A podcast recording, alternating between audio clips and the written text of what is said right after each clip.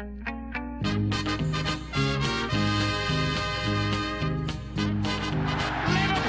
are champions of Europe again. Liverpool are prize winners again. Liverpool is in the record books.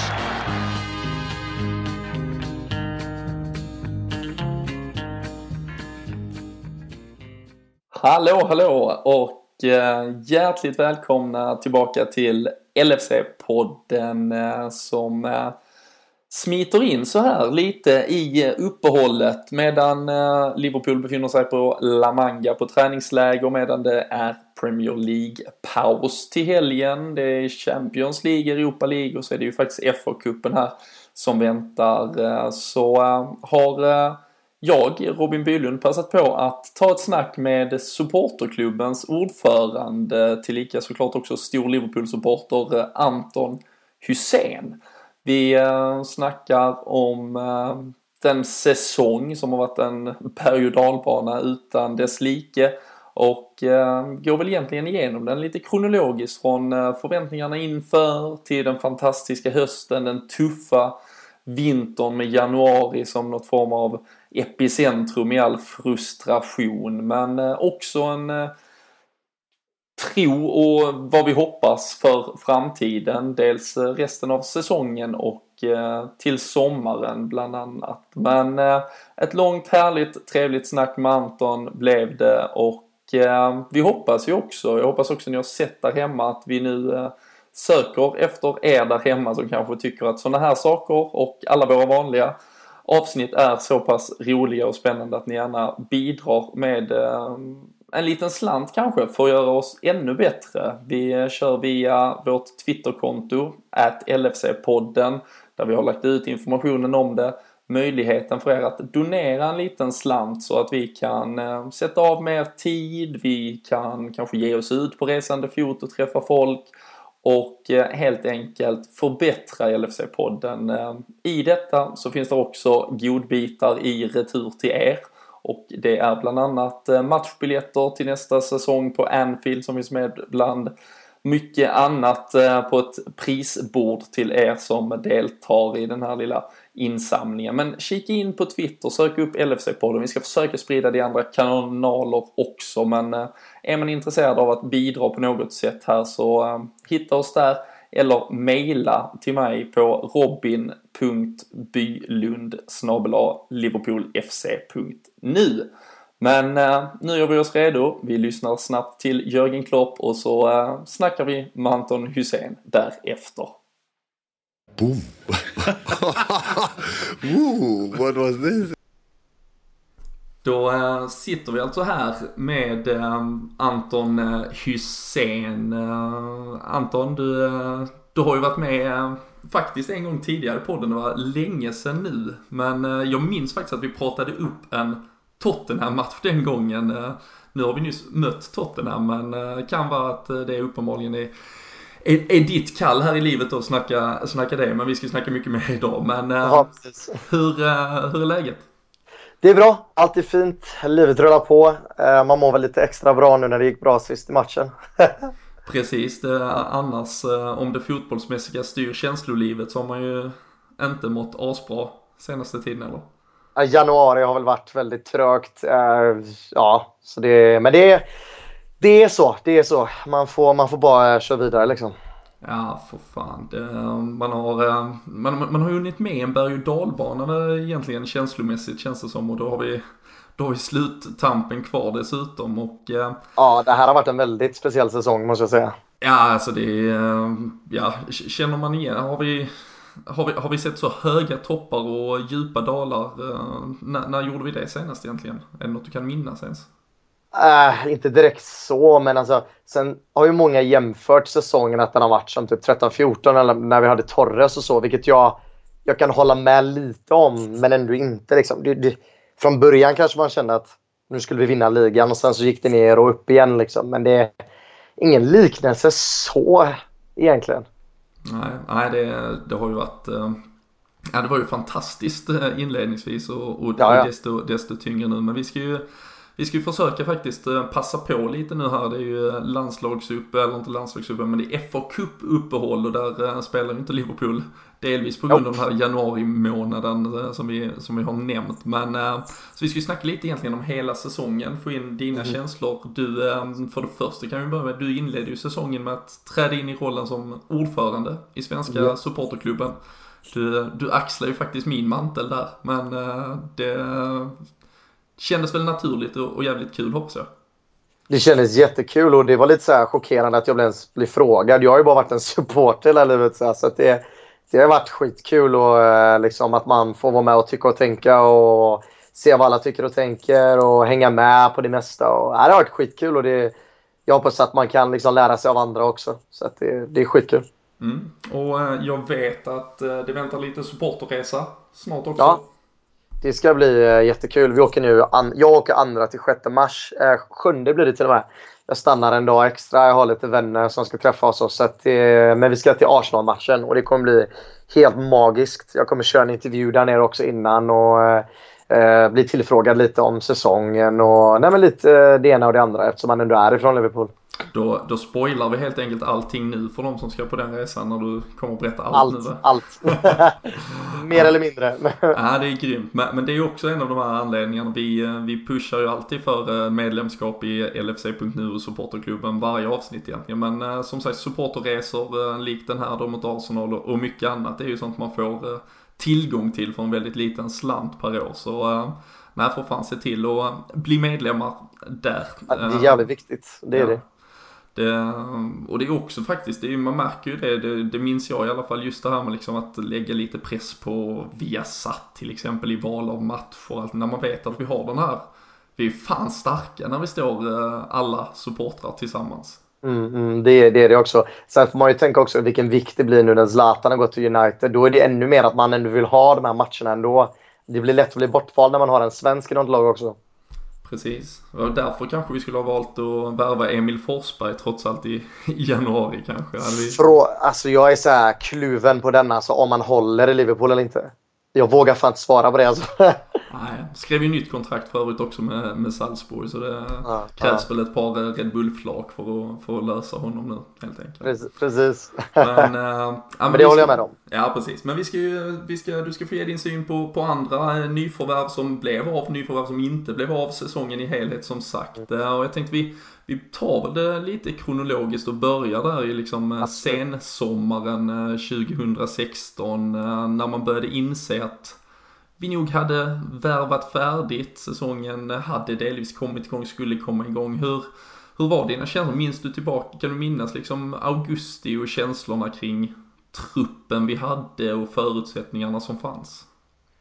Alltså, det är alltid så här, när man har varit med hela tiden så är det ju olika känslor man har för varje säsong. Men alltså, jag hade väl inga så här mega förhoppningar på att, eller så här, jag trodde inte vi skulle vara bäst i ligan på något sätt eller så.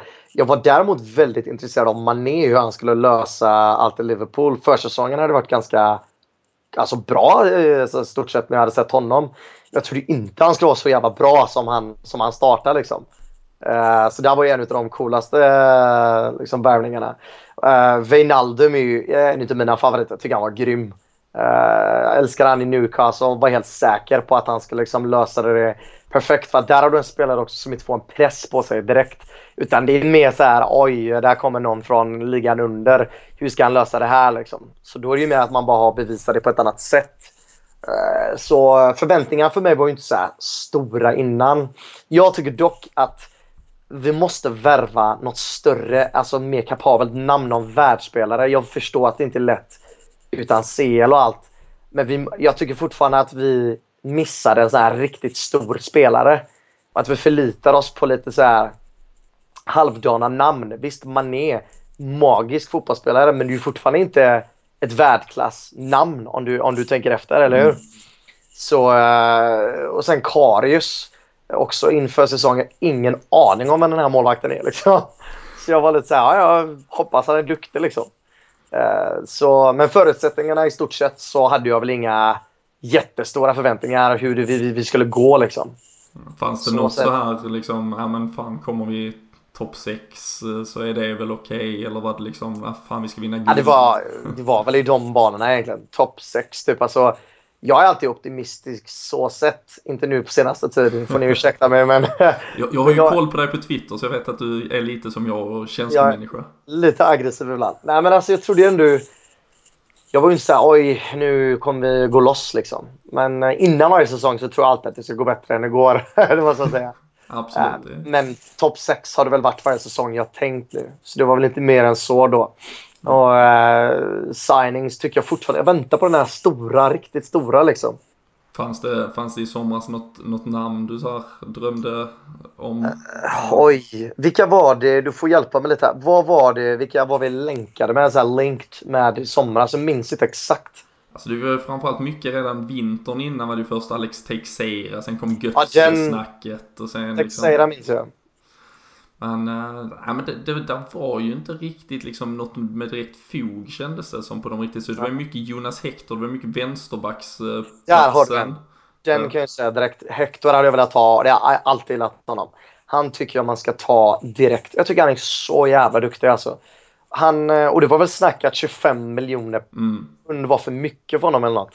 Precis. Och då börjar jag undra, men vad fan, skojar ni med mig eller? Hur fan kan ni tycka att 25 miljoner pund är mycket liksom? Det är ju typ vad en av de lägre kostar idag. Alltså ja. det är ju typ 35 och uppåt där du hittar alla som är jävligt bra liksom.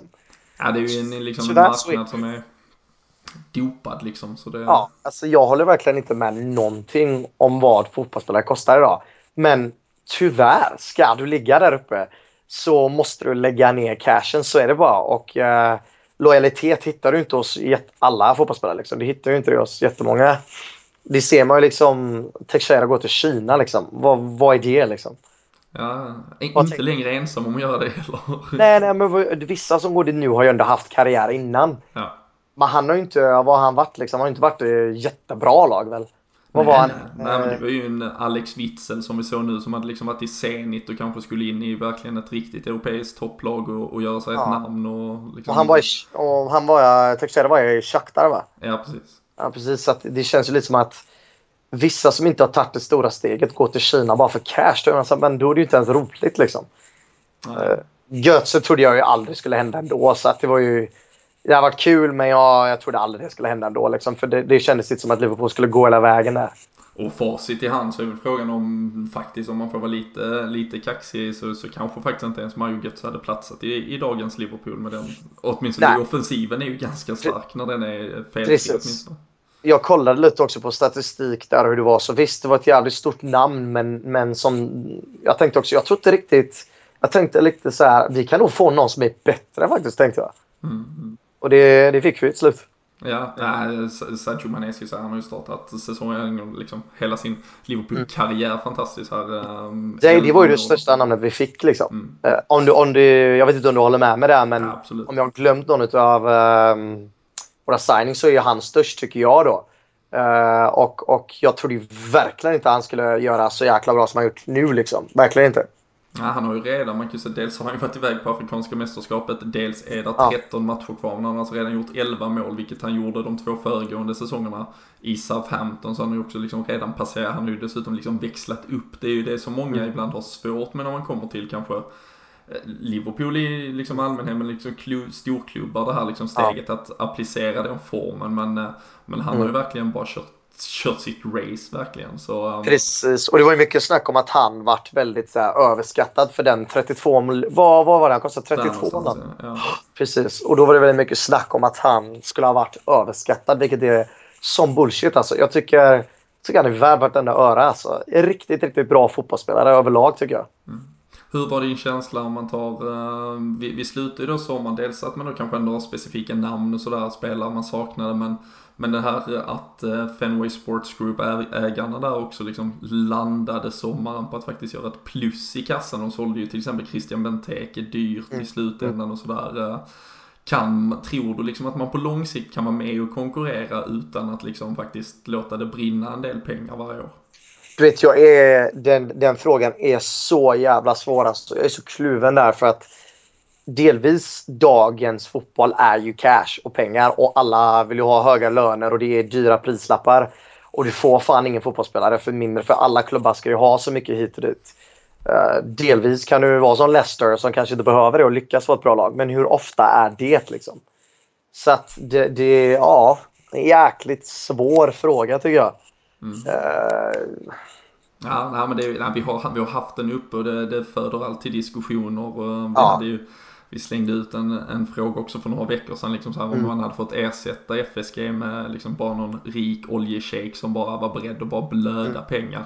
Och eh, jag tror det var första gången faktiskt i min tid som supportare faktiskt det här ändå fick det var ju visserligen också mitt i den här liksom hemska mm. januari-tiden men... Eh, var det lätt att tycka saker också. Ja, men, men liksom nu kände väl eh, folk ändå liksom att det, det måste börja spenderas lite. Men vi, vi får ju se, det har ju kommit ut ja. information senare nu att till sommaren och, och men det, det, känns som det är liksom så här hållhakar hela tiden. Om det blir CL, då gör vi det så här liksom. Mm. Ibland kanske du bara måste börja med att bygga truppen. Men jag förstår att till exempel, nu ska vi inte jämföra med det här laget och jag hatar att göra det, men United okej, okay, most commercial team on the planet rikasklubben. Men alltså, hallå, hur fan får de här Di Maria och sådana utan CL liksom? Det är ju pengar. Ja. Det, är, det, det är ju inte så bara åh, jag gillar United mest på jorden, jag går dit. Utan det är ju mycket med pengar. Tyvärr så är det ju så. Och, och det, jag menar, vad fan. Så kommer det att vara i framtiden och jag håller ju med om att det är klart man inte vill sälja sin själ och bara ta en oljeshejk som bara köper upp hela klubben så. Eh, men som sagt, det är en väldigt svår fråga. Men om du kollar runt på alla klubbar. De som leder i världen är ju väldigt rika klubbar. Liksom. Mm. Alltså det är ju de som har mest pengar. Liksom. Jag ser inte många andra klubbar eh, som, om vi kollar Leicester till exempel, vad är de nu? Mm. Ja, det, det, är ju liksom en sensationshistoria i sig hela förra säsongen. De, de hade väl inte ens en spelare skadad i en sekund i stort sett. Spelade samma elva i stort sett rakt igenom. Ja, Kanté var ju, ja. det är ju hur viktig spelare som helst. Och det är ju inte ofta att du hittar en sån alltså, kugge i varje lag som, som löser det. Liksom. Och liksom, vad gör Vardy och Mares? Han är ju Jaranieri. Jag har ju tänkt att bänka har man ju hört liksom, i någon match. Så det, ja, det är svårt det här med pengar och man ska behålla laget till samma ägare och så. så att, väldigt svårt där. Mm. Nej, såklart. Jag, jag håller med. Den är, den är jättesvår. Det är ju väldigt svårt och Man, man känner sig liksom lite så här ja, man springer lite i blindo också kring informationen för man vet ju inte vad som står. Klopp säger att jag har liksom? pengar men jag hittar inte rätt spelare. Men det känns bara, nej du ljuger, vad fan det är för att du inte får pengar. Men liksom, det kan ju också ligga något i det. Så det, är, den, eh, det är den, svårt den för oss som sitter vid sidan om. Det är lätt för oss att snacka, du vet. Det är det, inte samma position. Nej, men det ju, då, då får vi ju ändå nöja oss med det och försöka ha roligt i, i det snacket helt enkelt. Men, men, vi, äh, men vi vill ju vinna liksom. det kan man ju lugnt säga. Vi vill ju vinna. Det var ju ett tag sedan om man säger så.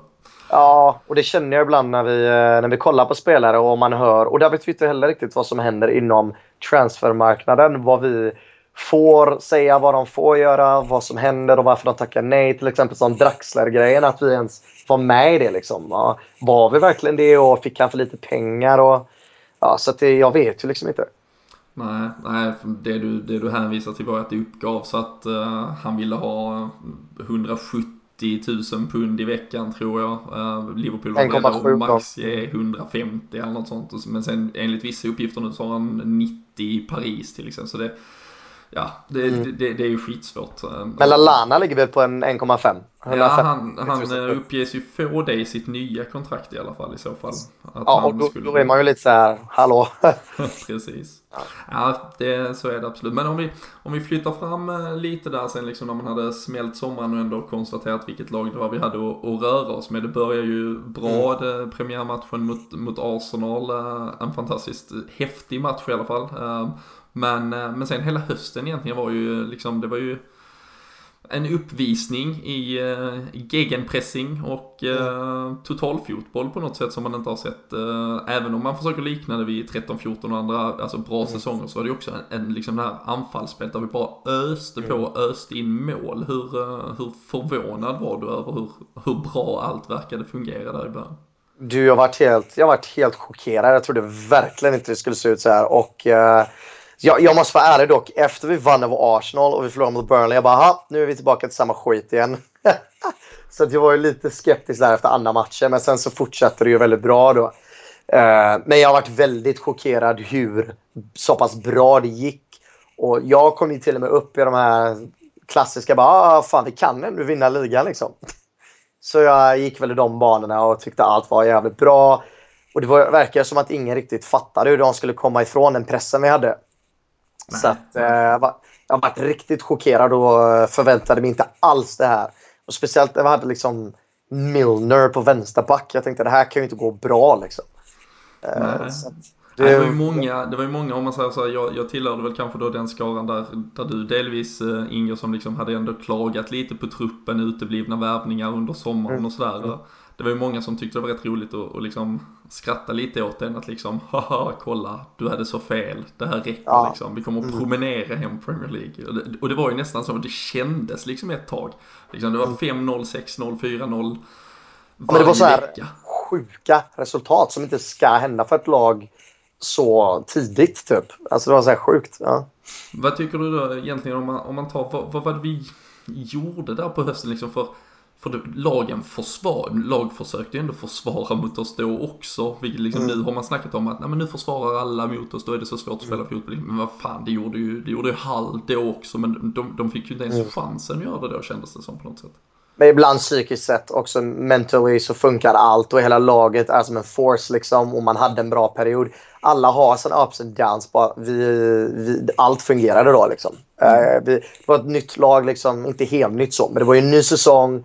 Det började bra, de såg vad de hade med det här man, Mané och Coutinho alla funkade ihop. Det kändes bara som att allt funkade. Klopps nya liksom, plan, hans första säsong, liksom helsäsong. Och att allt bara var färskt och funkade. Och de trodde verkligen på det. Det är ju inte så att de inte fortsätter tro på det nu, men det var så pass starkt. Liksom. Allt fungerade och allt gick med oss. Och, och, och då började ju alla tro på det runt omkring också. Liksom. Så det var väl mer det. Eh, så att ja, det var bara en solklar plan och idé. Liksom. Det enda man väl kanske kan eh, så här, reflektera till som, som inte riktigt ville fungera, det var ju, det, det började ju med att eh, Loris Karius, du nämnde honom, han skadade ju sig precis innan säsongen och eh, Simon Mignolet fick stå ehm, i de första matcherna. Och det snackades ändå hela tiden om att nej, men Loris Karius hade nog kommit som, som en etta liksom. Och det var många som då kände, men hur gör vi, hur gör vi när han blir skadefri då? Där, där tog ju Klopp ett ganska vågat beslut ändå att egentligen från första liksom, sekund Loris Karius var skadefri så, så kastades han in i laget.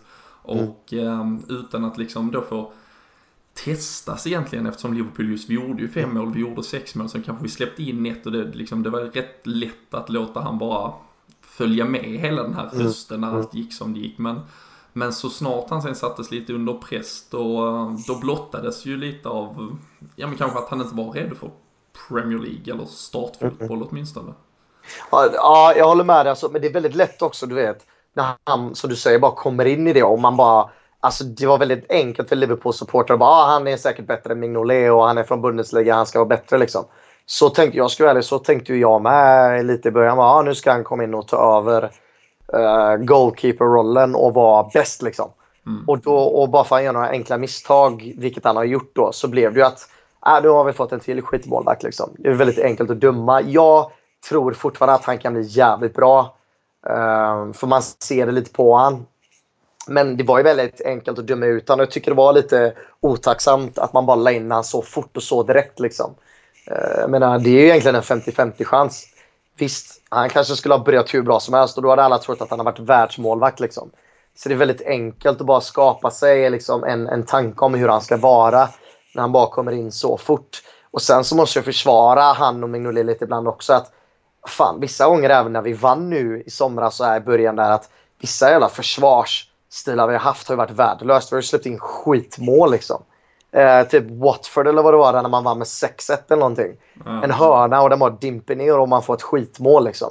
Så att det är inte så att de har haft det så jävla lätt heller liksom. Och framförallt så har vi haft en tendens, jag tror vi har gjort det nu fyra gånger, liksom gett bort hörnor från fullständigt mm. Jag vet just den bortfallmatchen, det var väl James Milner som gav bort den här när han bara liksom slog ut den till hörna. Vi hade Dejan Lovren gjorde det mot Swansea som ledde till mål. Vi hade Emre Can som gjorde det mot Hall nu på bortaplan. Som jag tänkte precis säga det till dig. Det var väl nu att Emre Can skulle slå en enkel pass och så bara skjuter han till hörnan ja. och det är då han gör 2-0 eller någonting. Fantastiskt. Ja, så ja, det är ju det är väldigt mycket att man lägger på det på målvakten också. Jag vill bara att man ska komma ihåg det liksom att visst, målvakten har inte varit wow, men det är inte så att försvaret har varit magiskt heller och det duckade man väldigt mycket för även de matcherna när vi vann. liksom nu i somras. Alltså, jag såg samma tendens när vi hade Suarez och Sturridge där uppe att vissa matcher vi vann med typ fem eller fyra mål så släppte vi fortfarande in två eller tre ibland. Så att det är väldigt enkelt att ducka för det liksom. Så att, nej, det är svårt. Mm.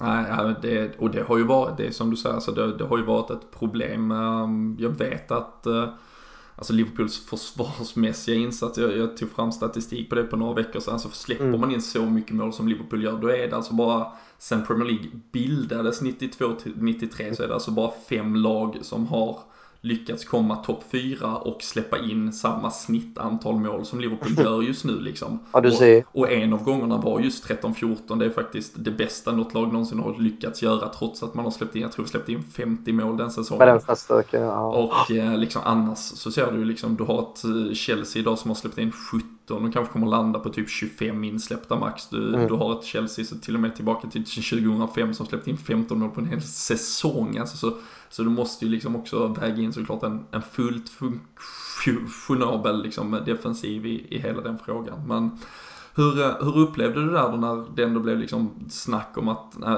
Karius ska nog petas igen liksom och det blev ju också det beslutet Jörgen Klopp mm. tog inför uh, Middlesbrough borta. Kom mm. lite från ingenstans, inte ens journalisterna på Merseyside tycktes se det komma och, och sedan dess nu egentligen så har ju Mignolet mm. varit mm. den som har varit första val och nu finns det faktiskt inga kupper heller och mot Tottenham så valdes ju Mignolet och det ser ut som det blir han som får stå hela säsongen. Va? Dels beslutet där i höstas och, och liksom mm. hur ser du på målvaktssituationen nu när vi går framåt och, och kanske till sommaren också när mm. vi måste förbereda för något, något bättre? Jag tyckte det var en jävla massa daltande liksom. Jag tycker bara bestäm dig liksom och det är så här Sen så tycker jag det är en otacksam eh, position där för, eh, för Karius att man bara lägger in han så mitt från ingenstans. Och eh, på något sätt, som jag sa innan, att han, ja, han ska vara bäst. Han ska vara bättre än Mignolet. Vi alla vet att han är bättre typ. Att det var någon sorts alltså, stämpel på honom att han skulle vara bättre direkt. Så det var lite otacksamt där och, och, och nu ligger han ju som andra målvakt. Och Mignolet har ju liksom fått spela. Och jag tycker, jag tycker fortfarande Mignolet, han håller inte. Eh, men det är så som det ser ut nu så kommer han spela säsongen ut. Ehm, jag tror, eh, jag står för att jag tror fortfarande på att Karius kan bli riktigt bra. Jag jämförde lite med de Gea med mina polare här i Göteborg. Jag vet inte fan om man vågar göra det. Men mm. Att i början kan du vara riktigt värdelös. Han har gjort hur mycket tabbar som helst, de Gea. Jag tyckte han var värdelös när han började United. Men jag tycker ändå att Karius ser ändå ut som att han skulle kunna bli bra. Eh, jag ser lite tendenser då och då. Men just nu den här säsongen ut så kommer det vara Mignolet liksom. Mm. Men, det känns lite eh, safety first, liksom att man ändå precis. minimerar och, och, pressen också. För som sagt, skulle han göra en tabbe till Karius så är han ju, då känns det som att han är rykt inför till och med framtiden liksom. Men jag hörde däremot nu till sommaren om att det var något snack om att man ska sälja Mignolet och att man ändå har Karius som andra målvakt och få in en första målvakt. Vilket jag tycker, det låter jättebra. Uh, jag tycker inte Mignolet håller. Uh, ibland kan han göra riktiga saves så, men alltså i längden så ibland fattar jag inte vad han håller på med liksom. Så att jag tycker det är klockrent om vi hade sålt honom och verkligen satsat på en riktigt bra målvakt. Och, och så kommer det nog bli tror jag. Något, något namn? Någon du hade alltså, det önskat? Snackas, snackas mycket om Joe Hart med. Så jag, vill, jag, jag känner inte riktigt för honom. Jag, han Din också engelska landslagskeeper, är han tillräcklig? No thank you. jag skulle vilja ha Jordan Pickford finns ju annars. Pickford är bra. Pickford mm. är riktigt bra. Butland tycker jag är bra, men han har varit skadad. Mm. Uh, jag gillar han Timo Horn, om du vet vem det är. Mm. Som spelar i, om, är det Köln? Eller? Jag är dålig på Bundesliga. Mm, jag, tycker, jag gillar han Timo Horn, jag tycker han är jävligt duktig. Uh, men det är lätt att snacka liksom. Man kommer inte få allt det man vill ha liksom så sett. Men frågan är alltså om Joe Hart är så jäkla mycket bättre egentligen. Alltså, Framförallt så är han ju lika misstagsbenägen känns det som. Så, ja, eh, så liksom, du får ju, även om ja, du kanske får några pluspoäng i ett luftrum liksom, i ett, men ja. Det var därför jag, jag, vill inte, jag, jag vill inte ha Joe Hart i Liverpool, det vill jag faktiskt inte. Nej. Han är kanske lite små eh, bättre än de andra, men det håller inte. Jag, jag vill ha en riktig keeper. Uh, någon som kan man, alltså det är en match där du kan känna att här håller det, det här är stabilt, jag kan lita på den här människan. För jag blir fan skitnödig varje gång. Typ Lovren spelar tillbaka till Mignolet. Då får jag fan panik varje gång. Finns väl inget bättre än en sån lite triangelspel med Lukas, Lovren och Mignolet. Alltså du vet, jag bara ryser när jag hör det. Du vet. Ja, fy fan. Och du- hade helt rätt vad gäller Timo Horn, det är Köln. Det ringde någon klocka men jag var tvungen att dubbelkolla så vi, var, så vi inte Ja, ljuger alltså- för någon. Jag gillar honom, jag har sett han innan, han är jävligt duktig. Och Mm. eh, det, där är väl en som är, som är etablerad, men jag tror inte han är omöjlig att få heller. Eh, men det kanske kostar lite en slant liksom. Får vi se om FSG är beredda att Ja, det är ju det. Äh, spendera för fan. Ja, men ja. det, jag tror hans tid är över, tyvärr. Ehm, sen var det ju liksom som sagt ändå, det, det löste ju sig lite spelmässigt där och då åtminstone när Mignolet kom in. Vi fick ett par vinster till under sluttampen av 2016. Det, det var ju, Vi var ju verkligen på allvar med i, i, i racet fram till den här nyårskvällsmatchen mot City också där vi, där vi tog en 1-0 seger på hemmaplan. Men Genie. Precis, eh, fantastisk eh, nick får man väl poängtera och du, du har ju nämnt honom som, eh, som också liksom ett riktigt starkt nyförvärv. Men Mm. Filip Coutinho gick ju sönder där samtidigt i, i slutet av 2016 och sen gick vi in Mm. i, ett, i, i ett 17 där vi visste att Sadio Mané skulle, skulle försvinna Mm. på Afrikanska mästerskapen. Hur, hur, hur var dina känslor kring liksom då januarifönstret Mm. och, och liksom att vi faktiskt vi hade ju överpresterat spelmässigt kanske. Vi låg ju högre än vad, vad, vad vi borde nästan om man säger så. Och, eh, men nu samtidigt om vi då skulle ha chansen att växla upp från det eller hänga på så, så, så kändes det ju som att alla som satt vid sidan av och tittade på kände att vi behövde någonting. Vi kommer inte kunna lösa det här med Nej. Divock Origi eller någon Mm. annan bänkspelare. Hur, eh, hade, hade du förhoppningar? Trodde du något skulle hända?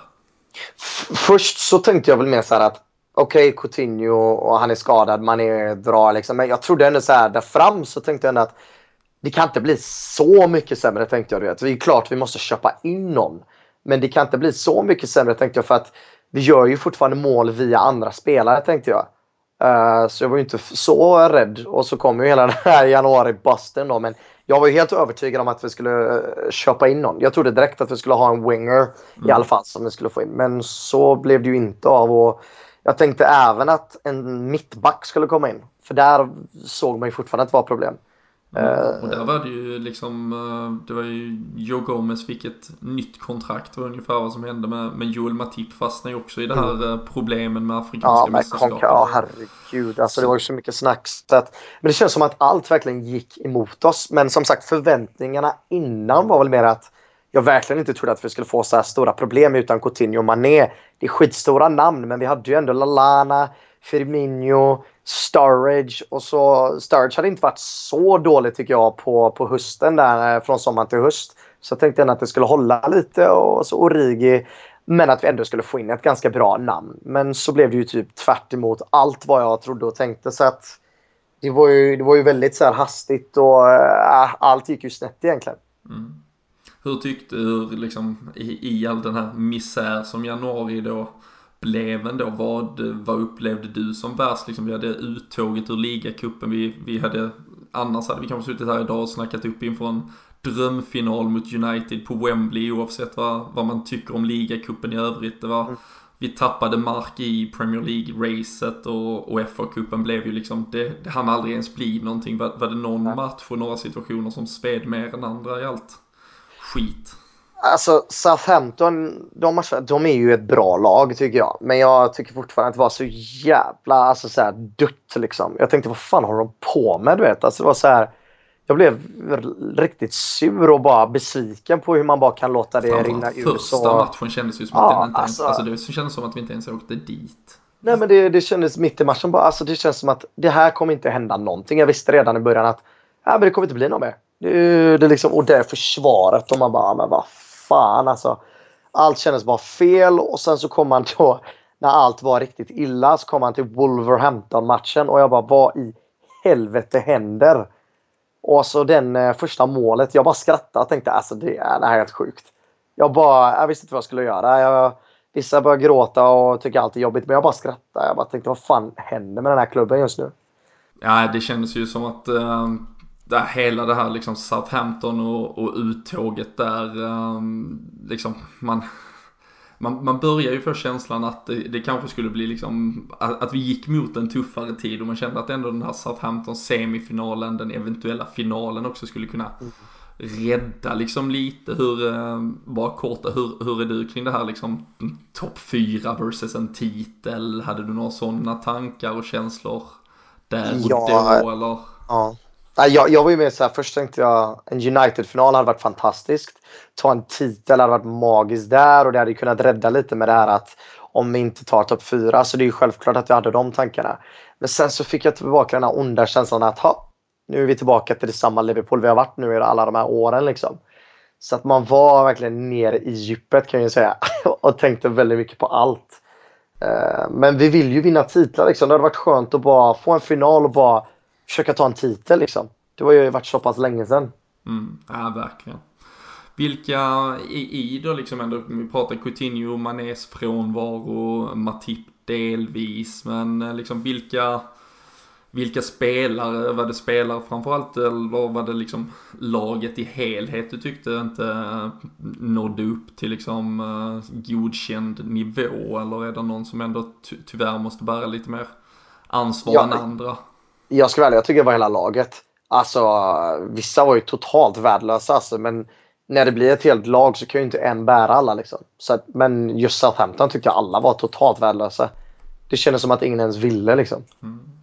En diskussion som uh, dels har gått het här i podden, men jag tror den har gått het på alla sociala medier. Liksom, Emre Can fick ju också mer och mer förtroende delvis för att man då flyttade upp mm. Adam Lallana för att täcka i offensiven. Ja, Vissa matcher såg vi han faktiskt till och med spela på bekostnad av eh, Gini Wijnaldum. Det fick vi bland annat se mot Hall nu senast. Eh, mm. Så då hade vi väl i och för sig lämnat januari. Men um, mm. hur, hur, har du stått i hans och, och nu snackas det ju till och med om liksom att man kanske går skilda vägar med Emre Can mm. man hittar ingen lösning på ett kontrakt. Hur, hur har du upplevt hans jag menar, i helhet. Men... Ja, sant. Jag mina åsikter. Jag blir så, här, blir så väldigt rörd ibland. Liksom, så att jag, jag har kritiserat honom väldigt mycket faktiskt. Jag, under senare tid så tycker jag han har levt upp till någonting. Och jag tycker han har varit rent ut sagt värdelös. Jag tror han måste hitta tillbaka till, till sig själv lite. För att jag, jag förstår alltså inte hur man kan starta honom före Wijnaldum.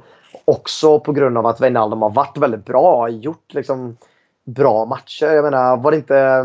Han blev väl man of the match, man of the match innan någon match där han fick starta efter, eller hur var det? Ja men det var, ja, men det var ju Chelsea-matchen där som en, där man kände att nu, vi kanske ändå på, på, något sätt var på gång igen. Han gjorde ju ja, målet, precis. han bidrog med löpningarna in i boxen. Ja, sen, och sen mot Hall så, så bänkades han och, och det ja, det kan ju ha varit någon skada men det kom ju ingen info om det i alla fall. Liksom, och man kände precis. att... Uh, och sen som sagt Emre Can var ju verkligen under isen i den matchen dessutom. Mm. Alltså det var, det var ju mer det liksom att jag förstod inte riktigt hur han kunde få spela efter där. Och, och sen rent ut sagt under sin helhet så tycker jag inte han har varit bra. Och, och eh, jag blir väldigt besviken faktiskt hur man kan starta honom före Wijnaldum för det första. Men sen så har vi haft problem ändå att hitta någon i den positionen överlag tycker jag. Och det är ju någon spelare vi måste signa i, i framtiden här på den positionen. Uh, men jag är, jag är väldigt kluven och delar därför att han är ju inte han är inte jättegammal, men han är inte jätteung heller. Han ligger där i mitten någonstans. Så jag vet inte riktigt hur vi ska göra uh, med honom. Men... Uh, Vad hade du sagt då, om vi hade fått ett bud på 20 miljoner pund i sommar för Emre Can? Alltså du vet, jag, är ju, jag hade ju sagt sälj, men då vet jag ju inte vad han köper in liksom. Nej. Så det är ju, du förstår jag menar det. och sånt. Ja men du vet, du kan ju få en medioker spelare för 20 miljoner också liksom. Förstår jag menar? Det är så här, det är väldigt enkelt att säga nu för att han har det väldigt dålig form just nu. Uh, men alltså... Ja, det, är så lätt, det är så lätt att säga nu. Ja. Jag, jag hade nog sålt han tror jag ja. och försökt leta efter någon annan. Ja, vi får se. Det, det, det, det lär ju hända saker till sommaren oavsett vad här, mm. men... Som... Men jag tänker inte lägga allt på honom. För att jag tycker att vissa... Alltså laget i helhet hade ju verkligen inte varit bra tycker jag.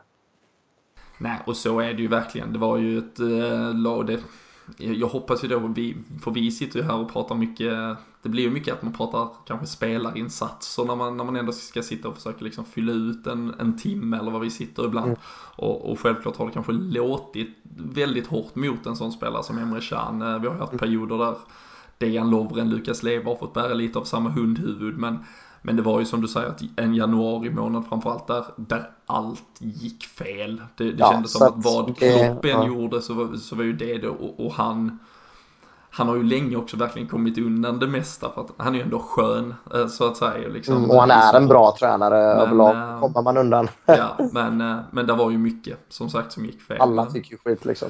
Men nu, eh, nu nu fick vi ändå på något sätt liksom eh, en, en sista, sista liksom biljett in i racet kring topp 4. Det är ju en liksom topp 6 där Chelsea ser ut att kanske ha dragit ifrån visserligen bara 8 poäng till City nu efter att de tappar poäng i helgen.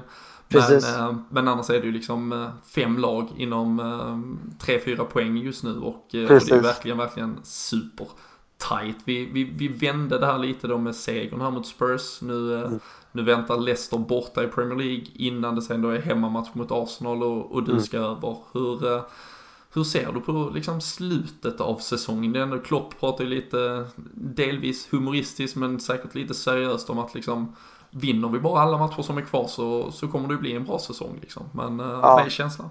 Om det nu vore så jävla lätt. Um, alltså, åh, det är så svårt. Jag är så här. Jag tror ju att vi har det som krävs för att vinna de här matcherna. Uh, men å andra sidan har vi spelat skit mot sådana lag som är dåliga. Så att man vill ju vara positiv. Man är ju, jag är ju ambassadör för Liverpool. Liksom. Det är klart jag tycker och vill att vi ska vinna. Men man är ju inte lika säker när man förlorar mot Burnley och Burnmouth. och sådana grejer. Liksom. Så att vi skulle lika gärna kunna gå och förlora mot ett Leicester som spelar skit. Liksom. Och så har vi tappat eh, topp 4-chansen. Liksom. Och att vi gör samma sak efter Arsenal. Kanske vinner mot Arsenal med 3-0 hemma. Alla är jättenöjda och så går vi förlorar en dålig match efter det. Så att det här med topp 4, det, är- det är svårt. Men eh, från hjärtat så tror jag faktiskt vi tar det. Vi tar en topp 4. Vilka, vilka, vilka lag framförallt är det som missar topp 4 då? Det kommer ju vara två ändå liksom storlag som har gjort ganska bra säsonger som kommer vara... Alltså jag hatar den frågan för den är så svår. Jag jag har snackat så mycket med vänner om det. Alltså. det Åh, du vet, det är ju, Liverpool är ju en sån kandidat som är en sån som skulle kunna tappa det bara för att, för att de inte håller. Liksom.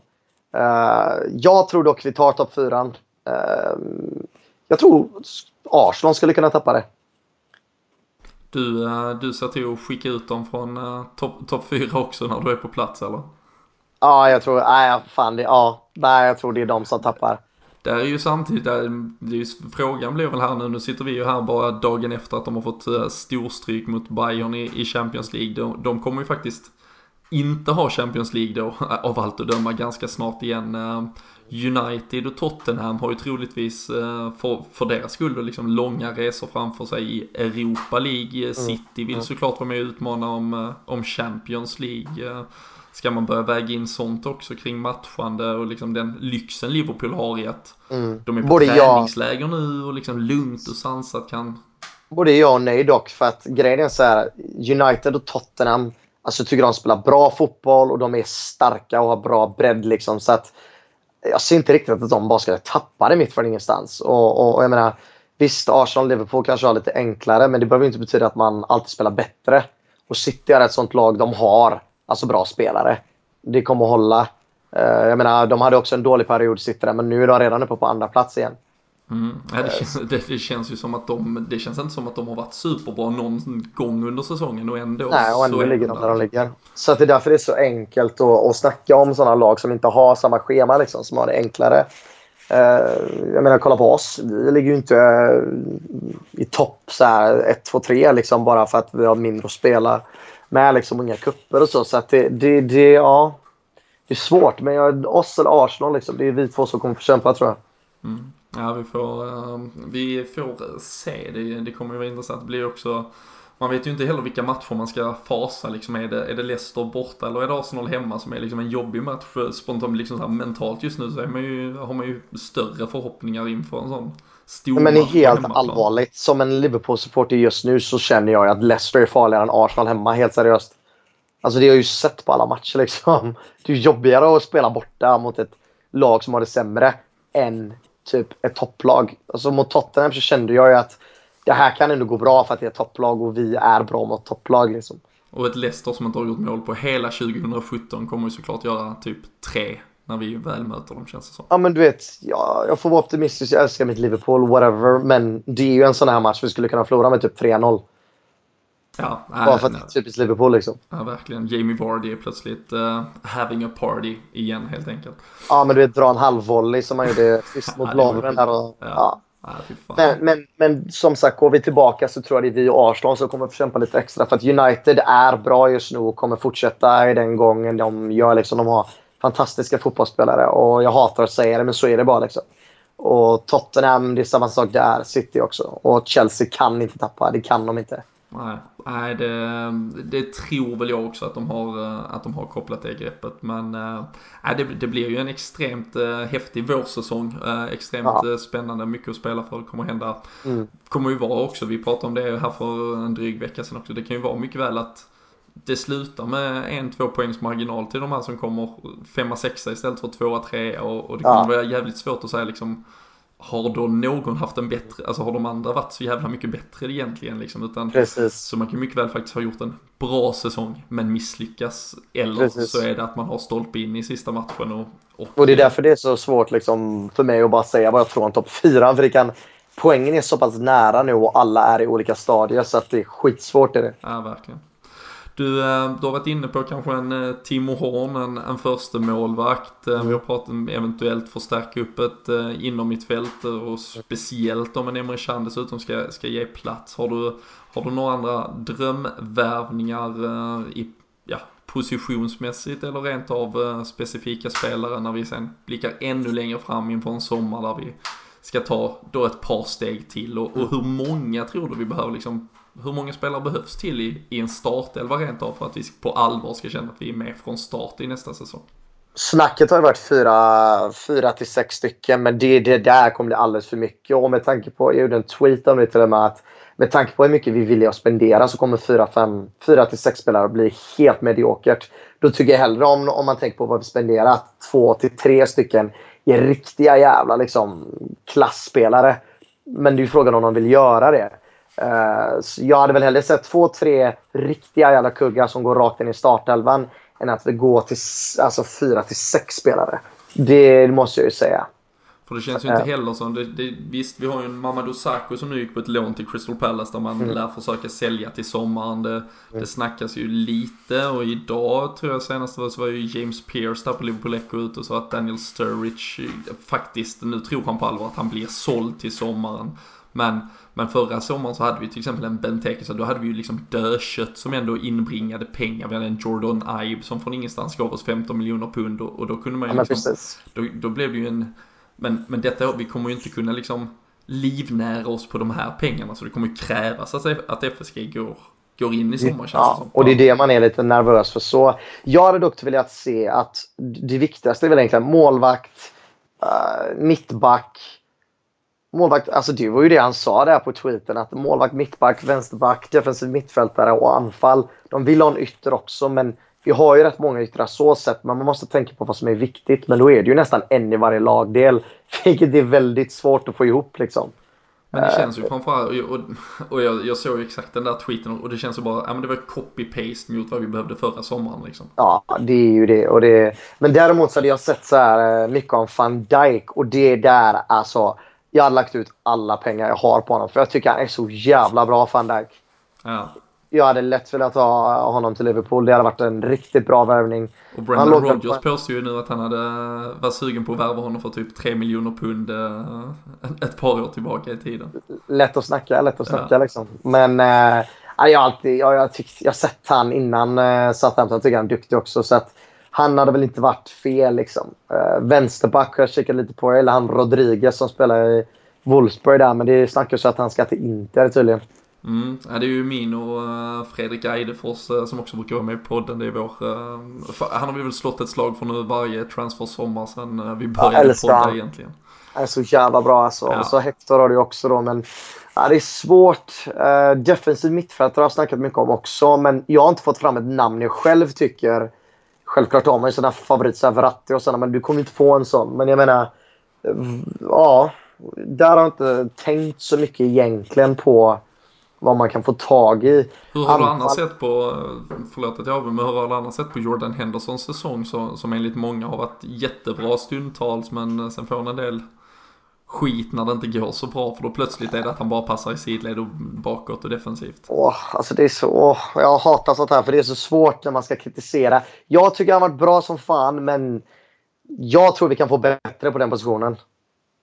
Tyvärr alltså. Och det, det känns lite som bara för att han är kapten så daltas det för mycket. Förstår du vad jag menar? Han har varit skitbra och en av de bästa. eh, Ja, liksom, en av de bästa, självklart. Jag tror dock vi kan få en bättre spelare på den positionen. Men det ligger och väger lite bara för att han är kapten. Och det är ju, men jag tycker det är en bra sak att säga för det har varit också en väldigt så Liverpool-typisk grej tycker jag att om någon har gjort så här en bra säsong då är det liksom, då kan vi inte ersätta honom. Jo fast det kan man ju om vi vill ta nästa steg. För det här Mm. gjorde ju att vi kom femma till exempel. Vill vi då, visst vissa spelare kan ju såklart liksom ha en kurva och utvecklas. Men ibland måste man också våga liksom faktiskt ha en bra spelare som, ja du har gjort det skitbra men nästa säsong så kommer vi köpa någon som vi tror gör det ännu bättre och du kommer få spela liksom andra fiol helt plötsligt. Ja, Och, och det, och det måste också man våga okej. göra. Och vi måste ju bygga en trupp, det är ju det vi aldrig har gjort riktigt egentligen. Precis, och det är därför visst, folk får kritisera mig vad tycker. Men alltså, han är jätteduktig, men jag tror att vi kan få mycket bättre på den positionen. Ja. Om vi bara, om vi bara är redo för att göra det liksom. Ja, absolut. Vi, eh, vi får se vad som händer. Ska du eh, nu så här avslutningsvis, ska du trots allt få säga, du, ditt hjärta talade för att Liverpool kanske klarar det här, men eh, slutgiltigt tips, var, eh, var slutar Liverpool-säsongen 2016-2017? Jag tror det blir fyra. Kval till Champions League, helt enkelt. Ja. Klarar vi sen att kvala in då? Ja, du. ja, du. Nej, men jo, men det gör vi. Ja, jag, tror fan, jag tror fan på det. Jag tror vi kommer fjärde plats och jag tror vi klar, kvalar oss in. Det, det tror jag. Fantastiskt. Det, det tycker jag vi tar med oss. Vi tar med oss den känslan. Vi njuter av eh, det här lilla uppehållet. Liverpool är som sagt i, eh, i Spanien och avnjuter lite värme. 17 grader så är det rap- rapporterades om. Det är inte helt fel. Och eh, så eh, är vanliga LFC-podden tillbaka igen om eh, ett par dagar. Men eh, stort tack Anton för att du eh, Tack var med oss här idag. Och eh, gör nu alla där hemma som Anton sa också. Bli medlemmar på LFC.nu, Svenska Supporterklubben. Och är ni över på Arsenal-matchen så håll utkik efter Anton. Han springer säkert runt på pubarna innan match och håller låda och allt möjligt annat. Så eh, Snacka med alla gubbar och det är gött. jajamensan, dricker Guinness så in i helvete. Klart. Fantastiskt. Tack så mycket Anton Tack och själv. eh, tack till er där hemma som har lyssnat.